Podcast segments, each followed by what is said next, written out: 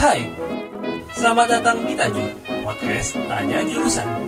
Tajur adalah tempat berbagi cerita, informasi, serta pengalaman seputar jurusan kuliah dan prospek kerja. This is Tajur Podcast, let's sharing to growing. Halo teman-teman, eh, tanya jurusan, balik lagi bareng gue Ernest. dan gue Adria setelah sekian lama gue jadi editor doang sekarang akhirnya Akhirnya muncul lagi. muncul lagi Iya, ini nggak tahu nih, harusnya kita ada Chandra nih. Chandra lagi nggak bisa berhalangan mungkin ya. Betul. Iya, alhamdulillah akhirnya gue muncul lagi akhirnya muncul lagi. Oke, Dri. Eh, Dri, ini lu kondisi hari ini gimana? Sehat? Aman? sebenarnya agak lumayan tenggorokan agak gatel nih cuman ya masih fine Waduh, lu dekat-dekat sama gue kalau gitu. enggak Ini dekat sama gue lu. kebetulan kemarin gue di swab Oh, udah. Oh, udah. Aman. acara cabut gue aman Oke, aman. Ya Udah. Nah, ini ngomongin tenggorokan gatel, terus ini kan lagi masa pandemi ini, lu ada cara-cara sendiri gak sih buat eh, apa namanya menjaga kesehatan lu tuh gimana? Biasanya Eh, gue lebih ke yang pasti pola istirahat pola istirahat. lebih banyak dibanding pola bekerja Iya. kalau tentu tidak istirahat 8 jam sehari cukup jangan lupa olahraga gerak lah yang pasti Iya. ya lu sepedahan lu lari-lari keliling kompleks Lu sedikit-sedikit lakuin gak itu beneran? Oh, pasti. Ngomong dong. tipis-tipis mah ada. 5 kilo 10 kilo dapat lah setiap hari Oke, oke. Ya, mungkin doang mah. ya kan tipis-tipis yang penting gerak Ya, iyalah Jangan- jangan maksimalkan eh, diri kita di kasur Oh iya, itu nggak boleh ya tapi setidaknya gerak lah ya. sama Iya. pola makan nih pola makan. Kalau kalau gue tuh selain itu selain pola makan sama istirahat terus eh, olahraga juga, Mhm. gue gue ada satu suplemen gitu sih dari yang. Apa tuh? Ada suplemen dari daun kelor gitu yang ya kan sekarang kan kayak apa ya berbagai suplemen tuh akhirnya muncul lah gitu kan. oh Terus benar. Jadi jahe, vitamin ya. jadi vitamin terus apa itu kan pada muncul-muncul gitu kan banyak. Terus akhirnya ya udah gue eh, konsumsi itu kayak tiap pagi gitu berusaha jaga kesehatan. Wah, pas banget nih soal ngomong kesehatan. Ini kita topik kita kali ini membahas seputar eh, jurusan kedokteran. Dan sudah hadir di sudah hadir di hadapan kita ada Kak Aisy Putri. Selamat datang. Halo, IC Kaspol aja nggak apa. Oke. oh, ya yang biasanya kita kenal IC Kaspol Yoi Aisy Kaspol. IC ini mahasiswa kedokteran UGM dan baru saja menyelesaikan UKM PPD atau uji kompetensi mahasiswa program profesi Profesi dokter. dokter. Nah itu ini eh, yang dan yang gue tahu juga Aisy ini kuliahnya itu dua tahun lebih awal, benar nggak sih? Iya, Dari yang dari tingkatan emang dua tahun lebih muda. dua tahun lebih muda. Wow, itu gimana ceritanya? ya? Eh dulu masuk SD itu umur lima tahun, karena udah dari umur tiga tahun tuh udah masuk TK sih, udah bisa baca hitung kayak gitu. Hmm. Terus eh, kan udah dua tahun TK-nya. Sebenarnya mau dimasukin TK lagi karena umurnya belum cukup kan buat masuk SD. Mhm. tapi akunya nggak mau akunya nggak mau jadi langsung SD aja gitu aku nggak mau ulang lagi masa TK-nya tiga tahun Eh, maksa mama buat masuk SD sebenarnya SD juga nggak terima gitu anak umur lima Hmm. tahun karena waktu itu SD swasta kan ya Mhm. Eh, dipin sama mama bilang "Eh, nggak apa-apa bu masuk aja kalau misalnya anaknya belum mampu di eh, tinggal kelas aja nggak apa-apa kayak gitu Hmm. Eh, alhamdulillahnya ranking 3 di kelas kan Wow. Oke. mau nggak mau ya naik kelas tetap Kalau misalnya nilainya jelek tadi kata gurunya tinggal kelas saya bu, tahu yang tiga kurang ajar. jangan disangka-sangka bakal tinggal kelas malah kurang ajar. Oke oke, lanjutkan lanjutkan Aisy. terus SMP-nya itu ambil program akselerasi. Itu juga kebetulan juga awalnya daftar karena SMP-nya kan RSBI ya waktu itu masih ada. Oke. terus eh, ada program Axel. Nah waktu mau masuk SMP-nya ini kebetulan SMP terbaik di kotaku waktu itu di Dumai Riau. Terus eh, di ranking hasil ujiannya semua itu aku masuk 10 besar kalau nggak salah ya. Mhm. Nah, anak-anak yang di rankingnya di atas itu ditawarin untuk masuk kelas Axel. Oke.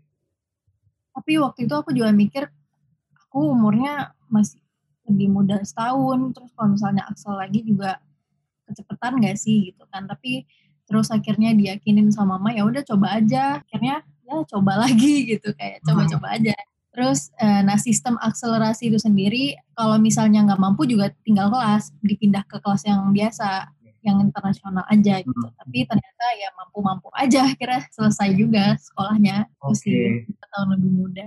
Enggak yang yang yang gue bingung tadi. Maksudnya IC ini kan maksudnya itu kan membuat keputusan itu ketika umur sangat muda gitu maksudnya Iya. udah biasanya kan kita kan kalau ini ya udahlah ngikut aja gitu kan. Manut manut. Manut aja gitu kan sama orang tua gitu kan. Kalau misalnya udah lah, kamu balik lagi ketika kamu masih ke mudaan kan muda. muda kamu gitu kan. Tapi kayak udah bisa bikin keputusan gitu. Terus eh, gimana mau akselerasi atau enggak gitu kan kayak wah oke oke oke. Jadi memang KIC ini sudah terlahir dengan kepintaran yang sangat luar biasa. Tentunya punya niat. Betul betul betul, betul. itu selama uh, sekolah ada perbedaan dari teman-teman gak sih? Karena kan uh, dianggap lebih muda gitu apa disepelekan gitu kah? Apa pernah disepelekan gitu? Sebenarnya kalau waktu SMP nggak begitu kerasa ya karena teman-teman kan semuanya aksal juga kan. Cuman paling beda setahun aja. Yang berasa itu ya pas SMA jadi aku masuk SMA itu umurnya masih 13 tahun ya. SMA, masuk SMA terus teman-temanku udah pada 15 tahun. Iya. kebetulan aku juga aku kan asalnya dari Riau ya. Iya. terus SMA-nya aku dapat di Jogja. Itu juga karena beasiswa Wow. Eh, sekolah di Jogja itu dia asrama sekolahnya boarding school oke. Itu berasa banget bedanya karena kita 24 jam kan tinggal bareng temen kan di asrama. Nah, eh ya kalau mereka ngobrol hal-hal yang kira-kira menurut mereka dewasa lah di umur mereka, mereka tuh selalu nggak nganggap aku gitu, nggak ngajakin aku karena mereka anggap ah IC masih kecil, IC masih kecil, nggak usah nggak usah sampai aku tuh pernah nangis kayak kenapa sih kalian nggak mau ngajakin aku ngobrol kalau masalah hal-hal kayak gitu? gitu. Beneran aku sampai nangis karena mereka nggak mau ngajakin aku kalau ngobrol yang menurut mereka yang saru. Saru. Hmm. saru jorok. Ah, berasa banget 24 jam bersama teman-teman tiba-tiba iya. mau ikutan lu. Kayak iya terus kan iya karena perbedaan umur tadi kan. Hmm. cuman ya otaknya mah nggak bisa diinin nggak bisa disepelekan. Ya Iya. Ya, oke oke Tapi berasa juga waktu kuliah sih. Waktu kuliah tuh juga berasa karena ya orang-orang kan pemikirannya udah dewasa dan udah puber selesai lah gitu. Iya. Tapi aku masuk umur lima, eh, aku masuk masuk kuliah itu 16 tahun kalau nggak salah ya. Itu masih masa puber. Jadi badanku juga kecil yang kayak anak SMA baru masuk gitu. Dan teman-teman ya udah dewasa semua gitu loh ya mulainya pas kuliah baru berkembang gitu. Kerasa sih beda dari pemikiran ya dari kebiasaan-kebiasaan juga kan mereka cenderung anak-anaknya udah dewasa udah selesai puber ya. Hmm. Mereka juga ngobrolnya masih serius dan udah ya anak kuliahan. Tapi pikiranku masih ya kalau belajar belajar cuman kadang kalau mereka udah ngobrol serius aku masih suka bercandain ketawa-ketawa kayak anak kecil kayak gitu. Iya, kamu jadi pembeda ya berarti ya. Di antara yang lain jadi Iya, pembeda sendiri gitu. terus gimana tuh apa uh, sisi positifnya dari berteman dengan uh, orang yang usianya bisa dikatakan lebih tua gitu apa sebagai uh, dari sudut pandang IC jadi lebih tahu pengalaman mereka aja sih. Jadi aku nggak perlu merasakan sendiri untuk tahu ya. Jadi Hmm. dari mereka aku jadi belajar banyak karena pengalaman mereka karena mereka juga jauh lebih tua dua tahun gitu. Aku jadi belajar banget eh, belajar banyak dari mereka sih. Oke. Berarti eh, lingkungan pertemanan kamu, circle pertemanan kamu itu rata-rata umurnya ya pasti lebih tua ya. Maksudnya kamu punya nggak temen yang seumuran gitu? Kan kamu kan dari kecilnya udah temenan sama yang lebih tua gitu berarti. Yang seumuran itu Banget ya? jarang, jarang. Oke. Karena yang angkatanku tuh ada yang seumuran aku tapi cuma satu orang juga. Hmm, oke oke oke. Ais ini juga terkenal dengan apa ya? eh, konten di TikTok ya. di TikTok di Twitter Terus eh, apa? eh, suka nonton Attack on Titans juga ya? Betul. Iya. nah, selain itu, selain bikin video TikTok, terus nonton Attack on Ti- on Titans, terus Ais ini kesibukannya apa lagi? Selain itu biasanya? Bukannya untuk saat ini sih masih nunggu ini ya pengumuman UKM PPD itu sama udah mulai ya aku ada kerjaan juga kerja sama teman-teman project gitu. Oke. Paling jadi panitia acara kayak gitu sih paling sibukannya sekarang dan rencana juga pengen ngambil uh, asisten penelitian baru rencana sih kalau ini. Ah, oke.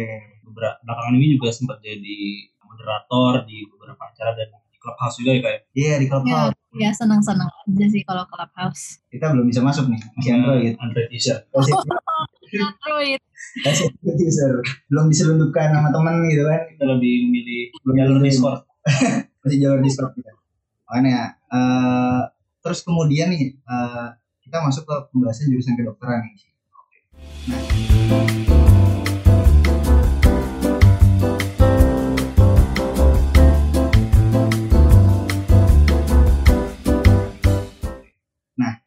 Aisyah ini di jurusan kedokteran ini apa ya? Eh, mungkin Aisyah bisa ceritakan sedikit nih dari semester 1 sampai semester akhir itu secara garis besar itu belajar apa aja sih? Misalnya di semester 1 nih kita mulai belajar apa nih? Aisyah mulai belajar apa? Terus semester 2 belajar apa? Sampai seterusnya sih. Secara garis Kalau besar secara garis besar, istilahnya kalau semester tahun pertama itu kita belajar yang basicnya gitu. Jadi tapi tetap persistem misalnya muskuloskeletal, kardio, pulmon, eh, apa respiratori, Ah, reproduksi kayak gitu. Oke. Kalau tahun dua kita udah mulai belajar penyakit, terus juga belajar eh, ada penelitian kayak gitu basic-basic penelitian Hmm. sama terus eh, kayak rumah sakit segala macam. Terus Ya. tahun ketiga kita udah fokus ini sih kayak terapi pasiennya. Oke, oke, oke. Lalu di akhir-akhir eh, semester, akhir-akhir perkuliahan tuh eh, apa biasanya belajarnya? Maksudnya akhir semester tuh kita udah masuk ke exchange. Kalau akhir akhir-akhir tahun ya, eh akhir-akhir kuliah ya. Nah, exchange terus em, udah skripsi gitu paling. hmm, ya, ya, ya, ya. Berarti yang uh, di tahun 2018 KIC itu ke Austria itu exchange ya? Ya exchange karena aku eh, ininya IUP, aku jurusannya kedokteran IUP. Jadi IUP. memang ada program program, kita exchange Oh, Oke. Oke, itu Kalau- inter yang internasional. oke, oke. Kalau dilihat di uh, LinkedIn ya, ini di Me- Medicine Univer- Universitas Innsbruck sebagai Terus, bedah ortopedi. mhm, jadi aku waktu itu ngambil yang orthopedic surgery-nya bagian situ. Kayak kita belajar semacam koas juga sih. Jadi di sana kita belajar sama dokter yang di sana, terus ikut mereka uh, poli atau kadang juga ikut mereka ke ruang operasi, nge-assist operasinya juga. Kalaupun beruntung ya biasanya kita jadi asisten kayak gitu. Kalau enggak ya paling observe aja ngeliat aja kayak gitu. oh, Terus Jadi di Austria ini menghabiskan waktunya lebih banyak di rumah sakit ya dibanding uh, kuliah gitu. iya jadi kayak kayak koas juga di rumah sakit gitu. Iya, koas. Ah, ya, ya. Ini buat teman-teman yang mungkin nggak tahu, koas itu diambil dari istilah ko-asisten. Nah, Iya. betul. Iya. Nah, terus ke sana tuh pas ke Austria itu apakah Aisyah sendiri atau ada teman-teman lain kan atau Ada teman-teman lain waktu itu ada berapa orang ya kalau salah di 8 orang yang ke Oh, ini semua dari UGM berarti? dari UGM. Oke. Tapi kita bisa juga kalau misalnya dia kebetulan ada dari universitas lain bisa ketemu sama universitas lain. Waktu itu aku dapet temen juga dari Cina ada, Hmm. terus kalau nggak salah dari Itali, Oke. UK. Austria tuh ba- bahasa ini apa sih? Bahasa umumnya? Austria? Inggris juga? Eh, Jerman ya? Berarti apakah komunikasinya belajar pakai bahasa Jerman atau Inggris aja gitu misalnya? Bahasa Inggris. Bahasa Inggris. Siapa tahu kan kayak Vicky Naki kan. Nah. Siapa tahu jago kan kayak Vicky Naki. Gue nanya ntar, tau-tau Aisyah ngomong pakai bahasa Jerman bingung gitu. Jerman, Rusia. Bisa, Oke, oke. bisa Aku ada ini tahu apa eh, persyaratan untuk ke sananya at least sudah tahu basic-basic ngomong Jerman gitu. Mhm. Yang Oh, level Nah itu yang mau ditanyain. Kalau uh, exchange itu dari kedokteran game, syarat-syaratnya apa aja? syarat-syaratnya beda-beda sih ya. Kalau semuanya itu syaratnya em IPK aku lupa ya IPK-nya minimal berapa kemarin dua lupa yang IPK-nya. Ya, mungkin sekarang juga ada. Terus em, karena kita rebutan tuh sistemnya, Nah, iya sih. Rebutan ya. Tapi semua semuanya wajib exchange dan Hmm. tersedia banyak karena universitas eh, UGM itu udah punya MOU sama banyak universitas. Jadi ada yang dari Korea, ada yang di Belanda, ada yang di Jerman, ada yang di Austria, terus Australia juga ada, kemarin Jepang juga ada, Malaysia banyak. Nah, itu tergantung kayak eh, minatnya pada di mana, bebas pilihnya. Cuma nanti diutamakan dari dari IP tertinggi. Misalnya kuotanya ada lima orang nih, Hmm. yang daftar 10, yang daftar itu 10, ya diurut PK-nya yang paling tinggi sampai paling rendah, yang lima tertinggi di atas yang diambil. Oke.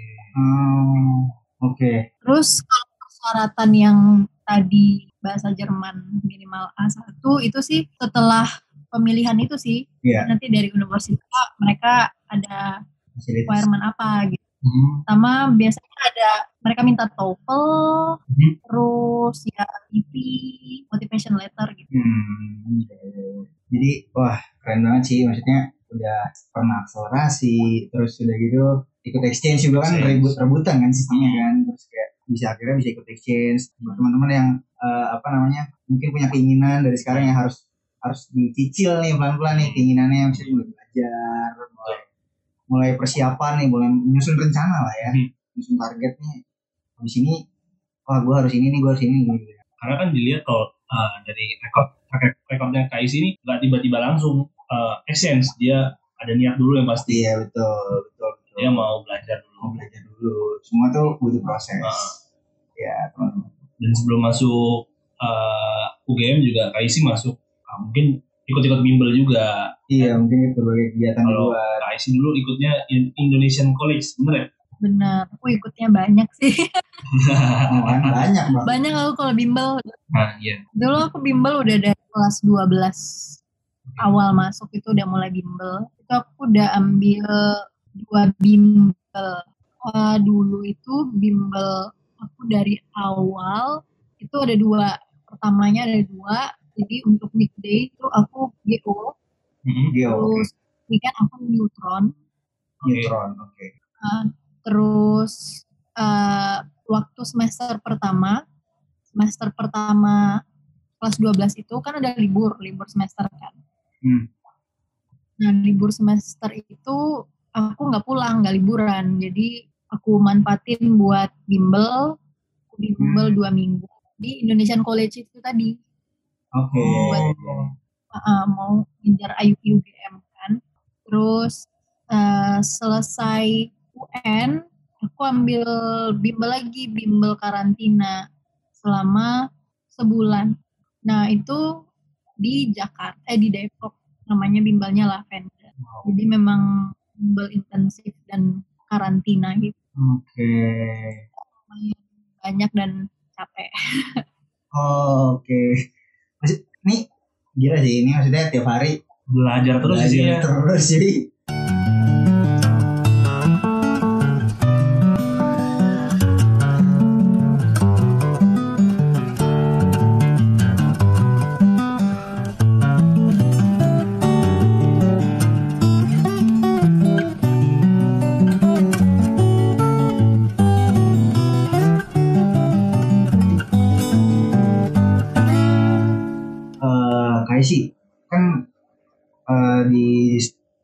jurusan kedokteran itu kan juga ada penjurusannya kan pasti kan.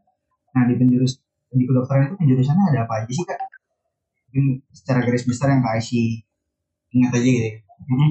sebenarnya banyak ya kedokteran itu bisa selanjutnya mau jadi peneliti atau di bagian manajemen rumah sakit kayak gitu bisa ngambil dokter spesialis. Sebenarnya banyak ya. Kalau dari kedokteran itu sendiri mesti-mesti harus jadi klinisi yang harus jadi dokter gitu yang dikerjanya di rumah sakit gitu enggak sebenarnya banyak pilihannya Oke. Kayak, uh, mungkin dia bisa ambil di public health yang fokus untuk uh, masyarakat seperti itu Ah, ah. Nah, spesialis sendiri pun ada banyak, ada yang bagian uh, bedah, ada yang di bagian penyakit dalam, jantung, paru gitu, ada yang kulit, terus juga ada banyak mata kayak gitu banyak banget Oke, ya, itu ya. kalau mau jadi dokter juga eh, juga nggak apa-apa gitu Oke.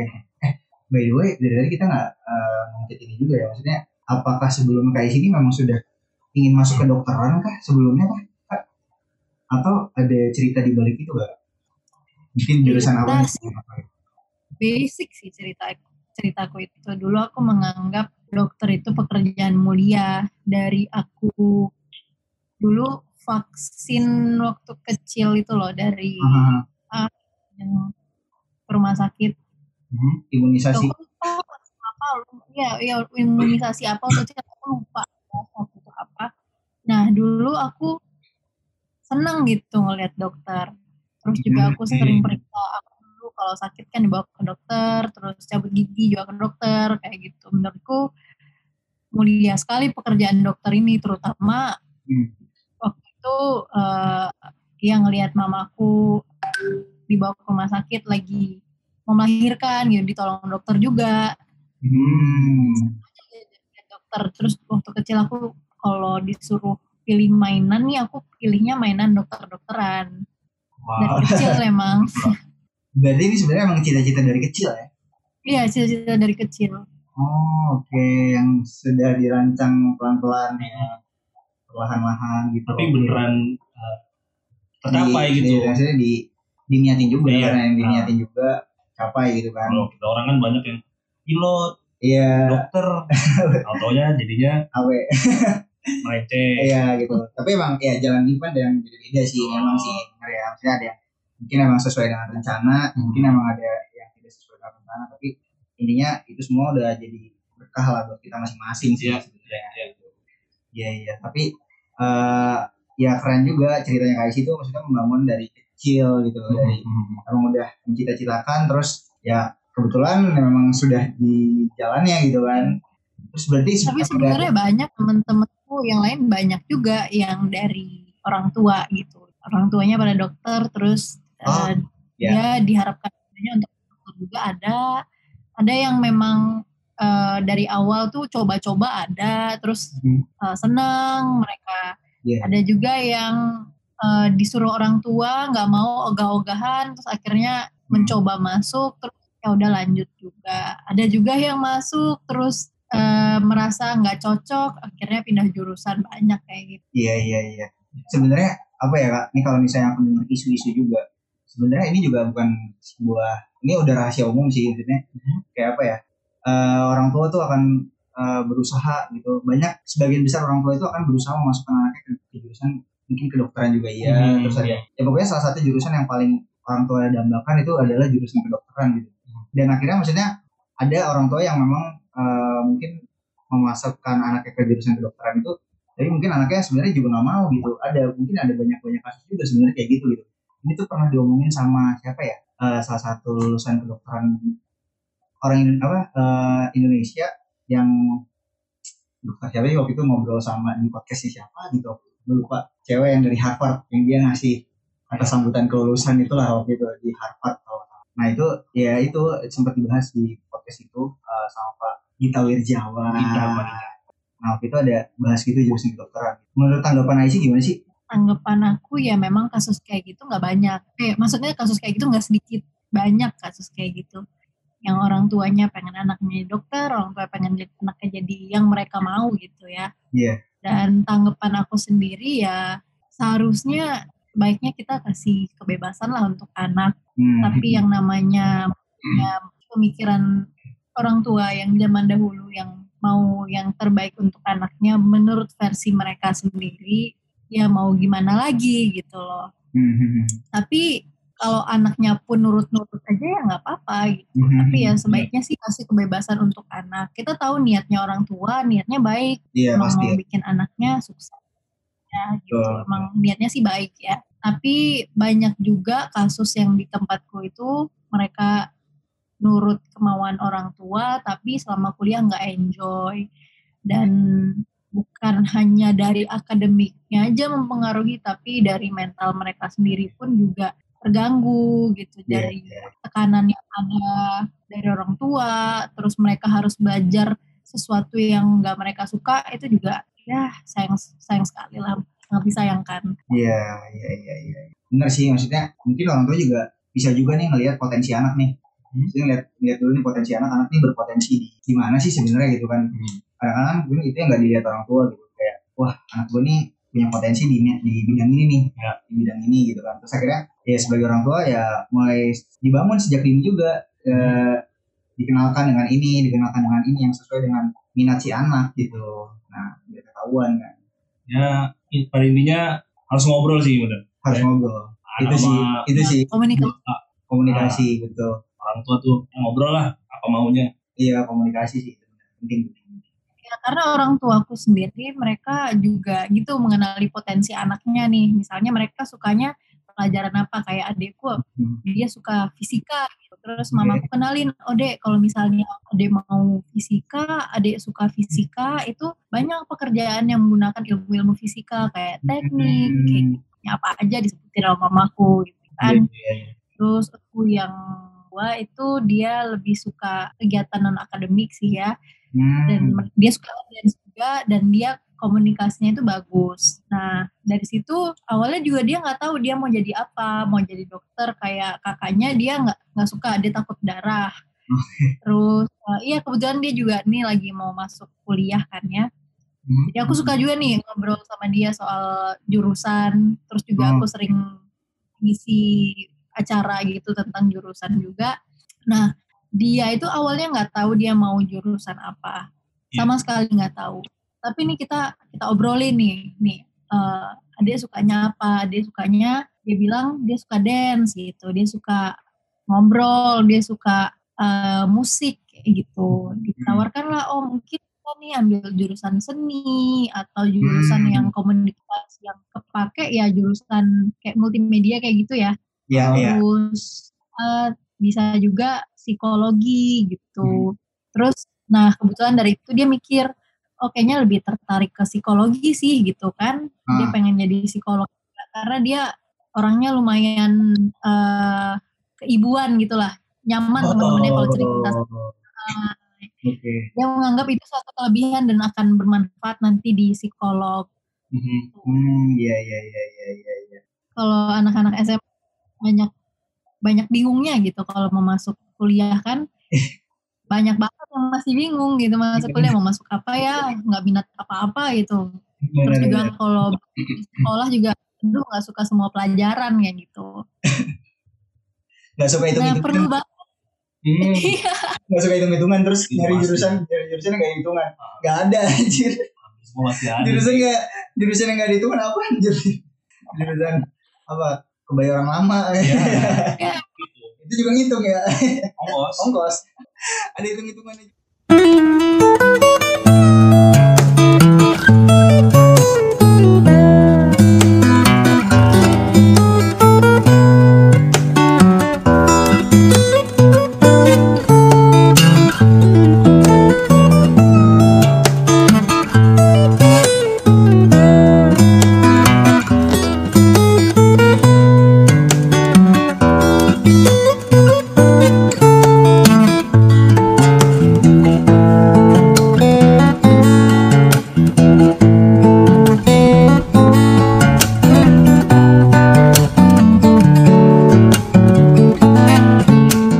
Kalau Ais ini selama eh, kuliah jurusan kedokteran ini susah apa suka dukanya tuh apa nih kak? Apa banyakan sukanya atau dukanya? Sukanya kayaknya sih kayak gini. banyak sukanya ya Nah, A- apa nih kak? sebenarnya susah ya kalau dibilang susah sih susah Mm-mm. cuman ya dari papa aku sendiri itu udah kasih nasihat kalaupun eh, susah misalnya kayak kuliah nggak kuat gitu ya istirahat aja jangan belajar terus gitu Wah. karena ya tiap orang kan ada limit sendiri sekiranya kamu udah melebihi limit ya udah saatnya istirahat kayak gitu sih aku dari dulu emang kayak gitu karena aku waktu SMA itu suka banget begadang buat dulu tiap ujian kita try out yang ada dulu sekolahku tiap try out mingguan itu Hmm. aku selalu ini eh, begadang sampai jam 3 pagi belajar Wah gila. karena nilainya aja nilainya tuh dipajang di di Oh. sekolah jadi kayak oh oh nggak mau malu nggak malu akhirnya aku belajar sampai pagi gitu Hmm. iya iya iya Nah, eh, papa aku tahu kebiasaanku kayak gitu, akhirnya ya dibilangnya santai karena aku suka dulu tuh nangis kalau misalnya aku capek. Akhirnya kuliah ya aku main kalau udah waktunya main, aku belajar kalau waktunya belajar. Jadi ya lumayan enjoy dan juga punya teman-teman kan. Hmm. Kalaupun belajar aku biasanya bareng-bareng teman-teman kayak kita ayo ke kafe yuk gitu. Yuk eh, ngumpul di rumah siapa belajar. Jadi lebih enak karena ada temennya. Kayak Hmm. kalau nggak tahu ya nggak tahu bareng kita cari bareng-bareng kayak gitu. Sebenarnya nggak sibuk itu sih. Nggak sesibuk yang orang-orang bilang. Nggak sama aja. Oh, gitu Kayak ah, kayak universitas lain, kayak fakultas lain tuh sama aja sibuknya. Nggak yang sibuk banget gitu masih bisa main masih. Mungkin mungkin KIC bisa bilang begitu karena eh, manajemen waktunya cukup oke. oke ya berarti mungkin yang yang bilang kayaknya sibuk banget nah itu manajemen waktunya Ah, mungkin ya Iya. iya iya iya iya. tergantung kalau emang eh, mau mau ujian kayak gitu kayak Ah. kemarin aku persiapan PPD itu benar-benar Ah. aku off media aku jarang balas chat benar-benar ya hilang dari Kapan ya? dunia inilah Oke. iya iya iya. tapi itu pilihan orang ya. Kalau misalnya ada yang memang dia belajar terus ya nggak apa-apa gitu. Memang kalau eh, sistem belajarnya kayak gitu nggak ya apa-apa. banyak juga yang kayak gitu juga. Hahaha. cuman aku diajarkan bapakku untuk istirahat kalau butuh dan dipaksain. Iya Itu sih. semua orang ada batasnya. Benar-benar. Benar, semua orang punya Iya, iya. perbatasan nggak bisa dipaksain. Kalau dipaksain juga ngaruh ngaruh ke mood juga ke ya kesehatan lah ujung-ujungnya kesehatan juga. Betul. Balik lagi. Iya iya iya. Oke oke oke. Nah kak Ais ini selain eh, kuliah eh, terus punya kesibukan di organisasi apakah di kampus gitu atau di kegiatan apa HMJ gitu. dulu itu aku organisasi kinsa waktu kuliah. Sama jadi panitia panitia gitu sih bantu-bantu panitia acara kampus paling. Oh oke oke. Eh, nggak ikut itu apa namanya misalnya himpunan kah atau apa gitu senat gitu pernah nggak Enggak, aku cuma ikut cimsa oke Ikut- apa sih aku cuma ikut cim Apa tuh kak? cim cimsa oh tim sar tim sar cimsa cimsa Oh, CIMSA. Apa itu? Kayak asing. Center for Indonesian Medical Student itu jadi organisasi Oh, for Indonesian Medical student. Student. Host Iya. Oke oke oke oke. Sebagai apa di, di CIMSA itu? anggota aja dulu Oh oke oke oke. Nah eh Kaisi sendiri apa ya udah punya rencana rencana Cita jarak panjang. ya jangka panjang. jangka panjang mungkin ada keinginan? Eh, rencananya sih abis ini kan eh, aku internship abis internship itu rencananya mau ngambil S2 mau sekolah lanjut sekolah dulu kalau kalau beruntung dan yang langsung lanjut ke S3 ya alhamdulillah gitu Oke. tapi emang nanti mau sekolah dulu. Eh, baru mungkin ngambil spesialis juga Hmm oke. Berarti ini rencananya jauh lebih panjang lagi dari S2 S3 Jadi eh, ini tuh UKM PPD ini baru bisa disebutnya S1 spesialis atau bagaimana sebenarnya? Eh, UKM PPD itu setelah kita S1 kan udah selesai Iya. gelarnya aku udah dapet terus lanjutkan program eh, yang koas tadi Iya. dua tahun UKM PPD jadi istilahnya UKM PPD ini ujian kompetensi nasional kayak UN-nya dokter gitu Hmm. untuk mendapatkan gelar dokter gitu Oh, berarti udah boleh eh, bikin praktek atau belum kalau begitu? Eh, belum nanti harus internship dulu Hmm, harapannya gitu. Setelah internship baru Tapi- bisa jalan sebagai dokter umum gitu ya? iya Oke. sebenarnya udah udah dokter umum waktu internship itu udah udah udah umum Mhm. Oke, oke, oke. Nah, eh, mungkin Kak Aisy punya pesan-pesan kah buat eh, teman-teman yang sekarang lagi dengerin terus mau masuk jurusan kedokteran gitu. Hmm. Atau mungkin pesan-pesan secara umum nih buat anak-anak yang mau kuliah misalnya. Mungkin bisa kasih pesan-pesan buat adik-adik kita, Kak Aisy, silakan. Kesan-pesannya sih pikirkan baik-baik ya Nah, karena jalaninnya itu nggak mudah perjalanannya panjang sekolahnya lama Mahal. dan dokter kan long term uh, learner ya. Jadi sepanjang kita tumbuh tua kita harus tetap belajar karena ilmu kedokteran itu update terus. Jadi kita belajar terus gitu walaupun udah jadi Oh. dokter. Oh. Nah, terus juga ya pikirkan baik-baik tadi pertama, terus kedua kamu pikirkan cara-cara kamu mau uh, mencapai masuk ke universitasnya itu Iya. kira-kira mau, mau ambil universitas mana nih? Kiranya kalaupun kamu menganggap kamu sudah mampu tanpa kamu melakukan apa pun, Hmm. silahkan. Tapi perlu diingatkan kalau mau masuk ke kedokteran itu minatnya banyak banget peminatnya, Oke. banyak banget terutama universitas negeri ya yang Iya. minat banyak banget yang nggak banyak banget juga yang minat dan gak kalah bagus juga. Nah dari situ ya karena peminatnya banyak, saingannya juga jadinya banyak. Apa plan yang mau kamu buat? Misalnya kayak mau ngambil bimbel kayak aku tadi. Hmm. Karena eh, aku sendiri buat bikin program belajar buat diri sendiri itu cukup sulit ya dulu mengatur ya. waktu buat belajar itu aku susah banget jadi aku butuh bimbel. Nah dulu aku ambil bimbel. Nah eh, sampai empat bimbel tadi kan totalnya. Betul betul. Tuh. Dan juga jangan lupa ikut-ikut kayak try out atau latihan soal buat nguji diri sendiri. Sama kita juga tahu passing grade untuk masuk universitas yang kita mau tuh berapa kira-kira. Nah dari situ kita tahu targetnya nih minimal kita dapat segini. Nah kita belajar terus, nanti try out, ya try outnya kira-kira dapat berapa, dipantau terus lah progresnya tuh di tracking terus sampai ujung-ujungnya kamu bisa sampai target gitu. Nah nggak perlu nih sebelum masuk ke dokteran, kak perlu nggak sih belajar kedokteran dulu, bla bla bla nggak perlu masuk kedokteran itu semuanya nol, otaknya nol kosong semuanya ilmu kedokterannya Iya, iya. benar kosong. Oke. Masuk kedokteran kita mulai dari nol lagi, kita belajar bareng-bareng dari situ. Jadi sebelum sebelum masuk FK itu fokus aja dulu sama UTBK-nya atau apa pun ujiannya sekarang gitu ya. Iya, iya. Karena kayak MIPA, MIPA kan matematika, Ya. eh, kimia, fisika, biologi. Nah fokus aja di situ dulu. Oke, itu tadi pesan-pesan dari KIC. Jadi teman-teman mungkin dipikirkan dulu ya tadi ya, pikirkan dulu matang-matang. Eh, dipikirkan terus habis itu diobrolin juga, Betul. diobrolin juga karena mungkin kan ya tadi eh, masih galau juga ya umur-umur eh, SMA gitu kan masih kayak galau gitu.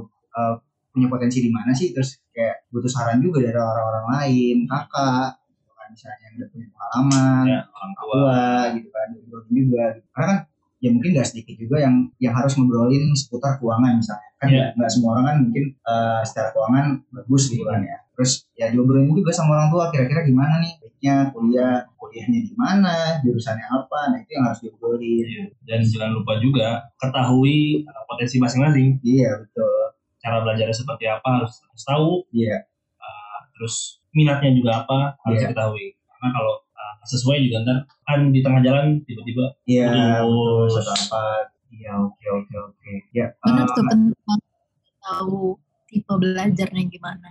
Ada yang visual, ada yang uh, Auditori. auditori. dan kinestetik. Penting banget kayak gitu buat tahu. Karena percuma juga belajar tapi nggak masuk gitu. Ya. Karena Hmm. salah. Bener banget itu. Iya betul betul betul. Ya oke teman-teman pendengar eh, mungkin sekian obrolan kita hari ini seputar jurusan kedokteran sama Kak IC bersama KIC. Terus mungkin yang teman-teman yang mau eh, tahu lebih lanjut mengenai KIC studinya kah tentang apa mungkin tanya-tanya seputar eh, S2, S3 mungkin nanti Iya. setelah KIC sudah S3. mungkin Amin ya. pengetahuan pengetahuan dasar tentang kedokteran bisa lihat di TikTok ada di, Twitter TikTok ada ada. Tuh. TikToknya apa nih KIC kak? IC Kaspol. IC Gaspol. Begitu juga dengan Instagramnya ya. Tinggal dicari aja IC Gaspol. Oke.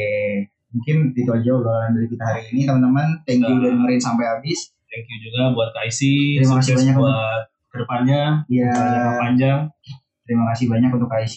Semoga sehat selalu di masa-masa pandemi ini. Semoga eh, yang mendengarkan juga sehat selalu eh, dan semoga ini semua bisa segera berakhir. Oke. Gue Ernest pamit undur diri. gue Ardian Saya IC dan sampai jumpa. Terima, Terima kasih. Hai, selamat datang di Tajur, podcast Tanya Jurusan. Tajur adalah tempat berbagi cerita, informasi, serta pengalaman seputar jurusan kuliah dan prospek kerja. This is Tajur Podcast, let's sharing to growing.